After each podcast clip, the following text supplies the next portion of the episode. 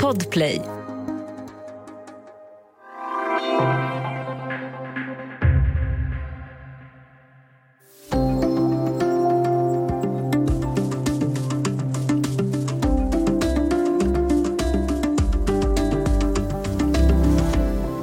Varför flörtar Kina med Slovenien? Hur kan ett bråk om registreringsskyltar leda till stridsflyg över gränsen mellan Kosovo och Serbien?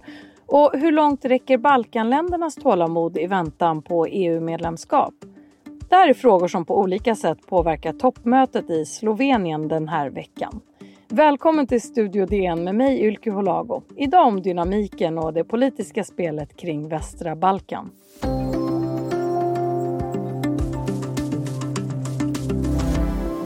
Och idag har jag med mig Pia Gripenberg, EU-korrespondent på Dagens Nyheter. Hej! Hej, hej! Så EU-toppmötet i Slovenien om västra Balkan samlar alltså stats och regeringscheferna från EUs medlemsländer och så är det EUs sex partnerländer på västra Balkan. Jag räknar upp dem här. Det är Albanien, Bosnien herzegovina Hercegovina, Serbien, Montenegro, Nordmakedonien och Kosovo. Vad står på agendan för det här mötet? Nej, men det som står på agendan är att man vill träffas och diskutera och flera av de här länderna kandiderar ju att de vill bli medlemmar i EU. Det går inte så bra i förhandlingarna, men det är bra att man upprätthåller kontakterna med varandra. EU vill investera för att de här länderna ska kunna bli, komma närmare EU i framtiden och eh, man vill helt enkelt hålla en god relation i området. Och vad innebär det att vara ett eh, partnerland som de här sex länderna jag räknade upp är? Det innebär att eh, de här länderna de lovar att de ska liksom närma sig EU när det gäller att man har ett bra rättsväsende och att ja, väl fungerande demokrati. Och det innebär också att till exempel deras då, eh, studenter kan vara delaktiga i i EUs Erasmus-program och kan studera i EU. Eller att man kan förhandla, som man håller nu på att diskutera, att roamingavgifterna för att använda mobildata i telefonerna ska bli låga. Och, så att det är så här äh, konkreta samarbeten för att liksom ha, ja, visa att man kan umgås med varandra på ett civiliserat sätt helt enkelt. Och Det handlar ju också om ett framtida medlemskap. Hur ser utsikterna ut för de sex partnerländerna när det gäller just medlemskap? Det kan man säga att det ser inte så bra ut, är väl korta svaret. Därför att flera av de här länderna har ju förhandlat i några år. Montenegro och Serbien till exempel. Det hände inte speciellt mycket i de förhandlingarna. Det finns EU-länder som är ganska negativa till att ta in nya medlemsländer för att det gick lite väl fort senast när det kom in många nya länder i Öst och Centraleuropa. Och eh, sen finns det då eh, samtidigt en oro för att om inte de här länderna får bli medlemmar i EU så kanske de blir mera närmar sig Ryssland eller Turkiet eller Kina. Så det finns här lite geopolitiska frågor.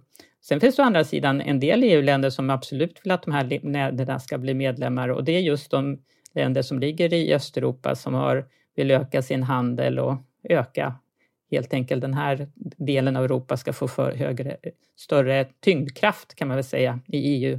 Så det råder delade meningar inom EU också om när de här eh, partnerländerna kan, eventuellt kan släppas in. Men hur reagerar länderna på sina respektive väntetider och processer då? Ja, men det är ju så att, att jag tror att många av de här äh, länderna, västra Balkan, de har tolkat som att eh, de kommer att få bli medlemmar i EU ganska snart. Och sen har de kanske då inte riktigt förstått att det betyder att de måste reformera sitt rättsväsende väldigt mycket eller de måste eh, liksom garantera grundläggande demokratiska fri och rättigheter, att det måste vara en fungerande demokrati som kommer in. Och det jag tror möjligtvis också är att de upplever att det ställs högre krav på dem som är kandidatländer än det ställs på vissa som redan har blivit EU-länder om man då tittar på hur, vad som händer i Polen och Ungern. Så att det kan liksom uppfattas som att det är pressen är större på dem än vad den är på Polen och Ungern som redan är EU-medlemmar. Och vad har EU för svar på kritiska frågor som rör just det att eh, länder som redan är medlemmar själva inte lever upp till de här kraven som ställs på partnerländerna? Alltså EU har ju egentligen inga bra svar. Det är väl liksom det man pratar internt om i EU, det är att liksom man ska inte skynda för fort eftersom man gjorde, det blev, gick lite för fort senast, så nu får man inte göra om det misstagen. Men det som är de riktigt dåliga svaren, det får, får ju Albanien och Nordmakedonien som då där EUs stats och regeringschefer förra året beslutade att de här länderna har kommit så långt i sin process att de skulle kunna bli, börja förhandla om EU-medlemskap. Det var man helt eniga om. Och sen helt plötsligt har det dykt upp att Bulgarien har åsikter om när det gäller språket i Makedonien och vissa kulturhistoriska samarbeten. Så eh, Bulgarien blockerar helt enkelt de här förhandlingarna från att starta. Så där är ju då 26 EU-länder tämligen irriterat på det 27, alltså Bulgarien, att man har här liksom i efterhand börjat haft invändningar som man inte hade när man pratades vid för flera år sedan. Och toppmötet eh, som pågår den här veckan det äger ju rum i Slovenien som i somras tog över som EUs ordförandeland. Och I samband med det så uppmanade EU-kommissionens ordförande Ursula von der Leyen Slovenien att inte tumma på rättsstatlighet och pressfrihet. Och det är ju något som Sloveniens konservativa styre har kritiserats för. Hur ser det politiska klimatet i Slovenien ut just nu? Alltså det, är, det är väl inget harmoniskt land om man säger så. Dels är det en del så här gatuprotester mot regeringen. Regeringen är i konflikt med ledande statliga nyhetsbyrån därför att den får inte några medel från sin regering. De har sina ekonomiska medel. Eh, Slovenien har är i konflikt med delar av rättsväsendet. Man har till exempel inte skickat en åklagare till den här Europeiska åklagarmyndigheten som är en ny myndighet därför att man anser inte att man är, har hittat någon bra kandidat fast det har funnits flera stycken och att man från åklagarmyndigheten i, i EU då uppmanar Slovenien att ni måste utse åklagare nu. Men det gör inte Slovenien så att det är, det brister. Och en annan fråga som jag vet att du håller ögonen på det är ju närmandet mellan Slovenien och Kina. Hur ser de ländernas relation ut? Men Slovenien är en del av eh, en grupp på 16 länder som har ett sånt här avtal, samarbetsavtal med Kina, handel och samarbeten som heter 16 plus 1. Eh, från början var det 17 plus 1, men Litauen har hoppat av det samarbetet. Och det är Eh, länder i Öst och Centraleuropa och på västra Balkan som kan man kan säga är en förlängning av den här eh, nya sidenvägen. Det är Belt and Road Initiative kallas det på engelska och där det handlar om att man ska öka samarbetet mellan länderna, att Kina ska investera mer och ökad handel. Så där är ju ett, liksom ett sätt för Kina att knyta delar av Europa närmare sig.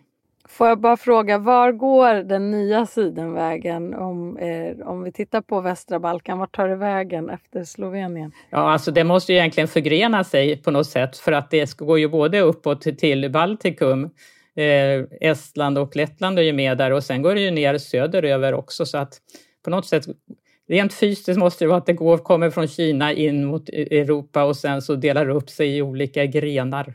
Det är mer som ett sidennät alltså. Ja, det kan Men man säga. Om vi går tillbaka till eh, just den här eh, flirten mellan Kina och Slovenien, vad ligger bakom den? Nej, men jag tror att det är ett sätt att, eh, jag menar, Kina investerar mycket och, vi, och många länder vill ha del av de pengarna och det är, så enkelt är det. Sen vad man får i utbyte av de här investeringarna, det är väl där som konflikten ligger för att eh, Alltså genom åren har ju EU haft en rätt hyfsad relation med Kina, men den har ju försämrats senaste åren och jag tror det var för två år sedan som man tog något strategiskt beslut att EU tog ett strategiskt beslut att Kina ska man även se som en slags systemrival, att det är man ska tänka på Kina också som en rival, inte bara som en samarbetspartner.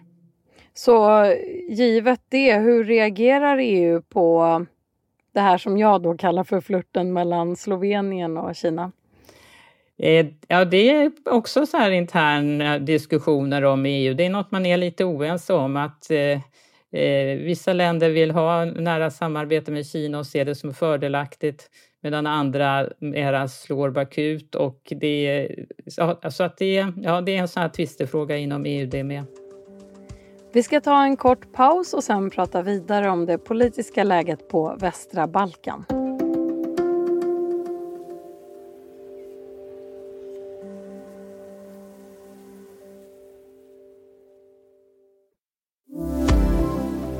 Du lyssnar på Studio DN där vi idag pratar om EU-toppmötet och det politiska läget på västra Balkan.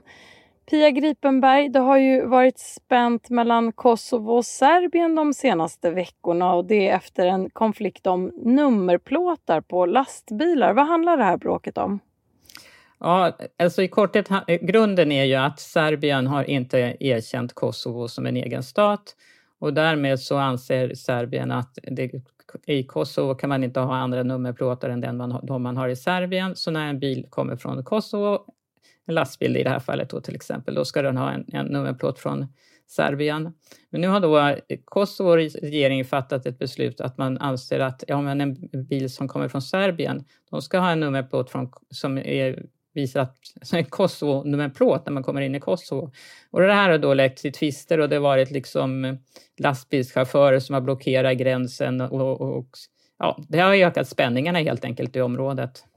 Och man har, jag tror det var Serbien som skickade upp stridsflyg också över, för att cirkulera över eh, gränsen. Så det har ju eskalerat. Och en kort bakgrund här. Sen Kosovokriget 1998 till 1999 så har Nato fredsbevarande styrkor i Kosovo. Sen så sen tio år så leder EU samtal mellan parterna också. Hur påverkar den här färska nummerplåtskonflikten EU-toppmötet i Slovenien?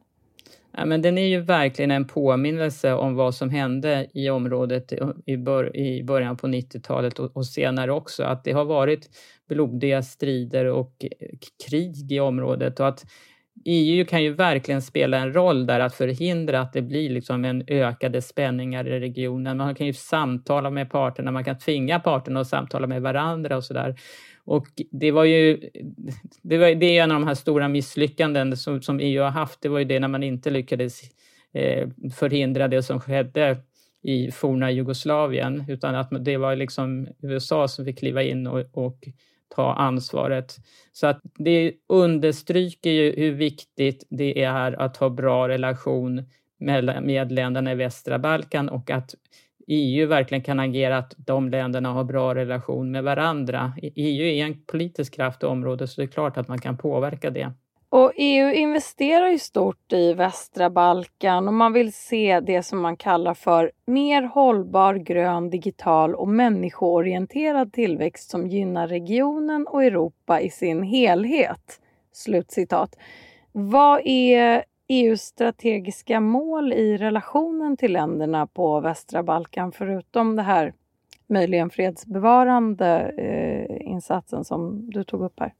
Ja, men på något sätt man vill man ju hålla länderna inom den ja, stora europeiska sfären. Man vill inte att, att Ryssland eller Turkiet och Kina ökar sitt inflytande. Sen är det ju också rent krasst ekonomiskt. Alltså det här är ju, eh, det är ju viktiga handelsströmmar här och speciellt länderna i närområdet. De har ju mycket att vinna på att, det, att liksom EUs inre marknad växer med nya medlemsstater. Även om det inte handlar om jättemycket människor i några av de här länderna så är det ändå ett utökat inre marknadsområde som ja, gynnar då företag som har verksamhet inom EU idag.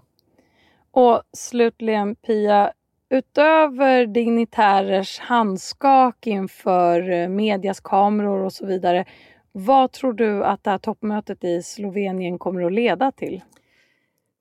Det beror på lite hur stämningarna är mellan de som är där. Alltså förhoppningsvis är det till exempel att det blir, eh, jag menar, både Kosovo och Serbien är där, då är det ju bra. Träffas man och pratar med varandra så underlättar det att man håller sams. Och möjligtvis också att det kan påminna EU om att det här är en viktig del av eh, e EUs politik. Det, det, det som beslutas i Bryssel eller i olika EU-länder, det påverkar ju västra Balkan också. Så att det, nu tror jag att man ska ha sådana här toppmöten kanske en gång om året framöver. Och det, alltså jag tror helt enkelt det är jättebra att man träffar varandra och pratar med varandra. Det, det är så det går framåt. Lite mellanmänsklig psykologi helt enkelt. Så avslutar vi med här idag. Tack så mycket Pia Gripenberg, EU-korrespondent på Dagens Nyheter. Tack själv. Om du vill kontakta oss så går det bra att mejla till studiodn dn.se. Studio DN görs för Podplay av producent Sabina Marmulakai, ljudtekniker Patrik Miesenberger och jag heter Ylke Holago.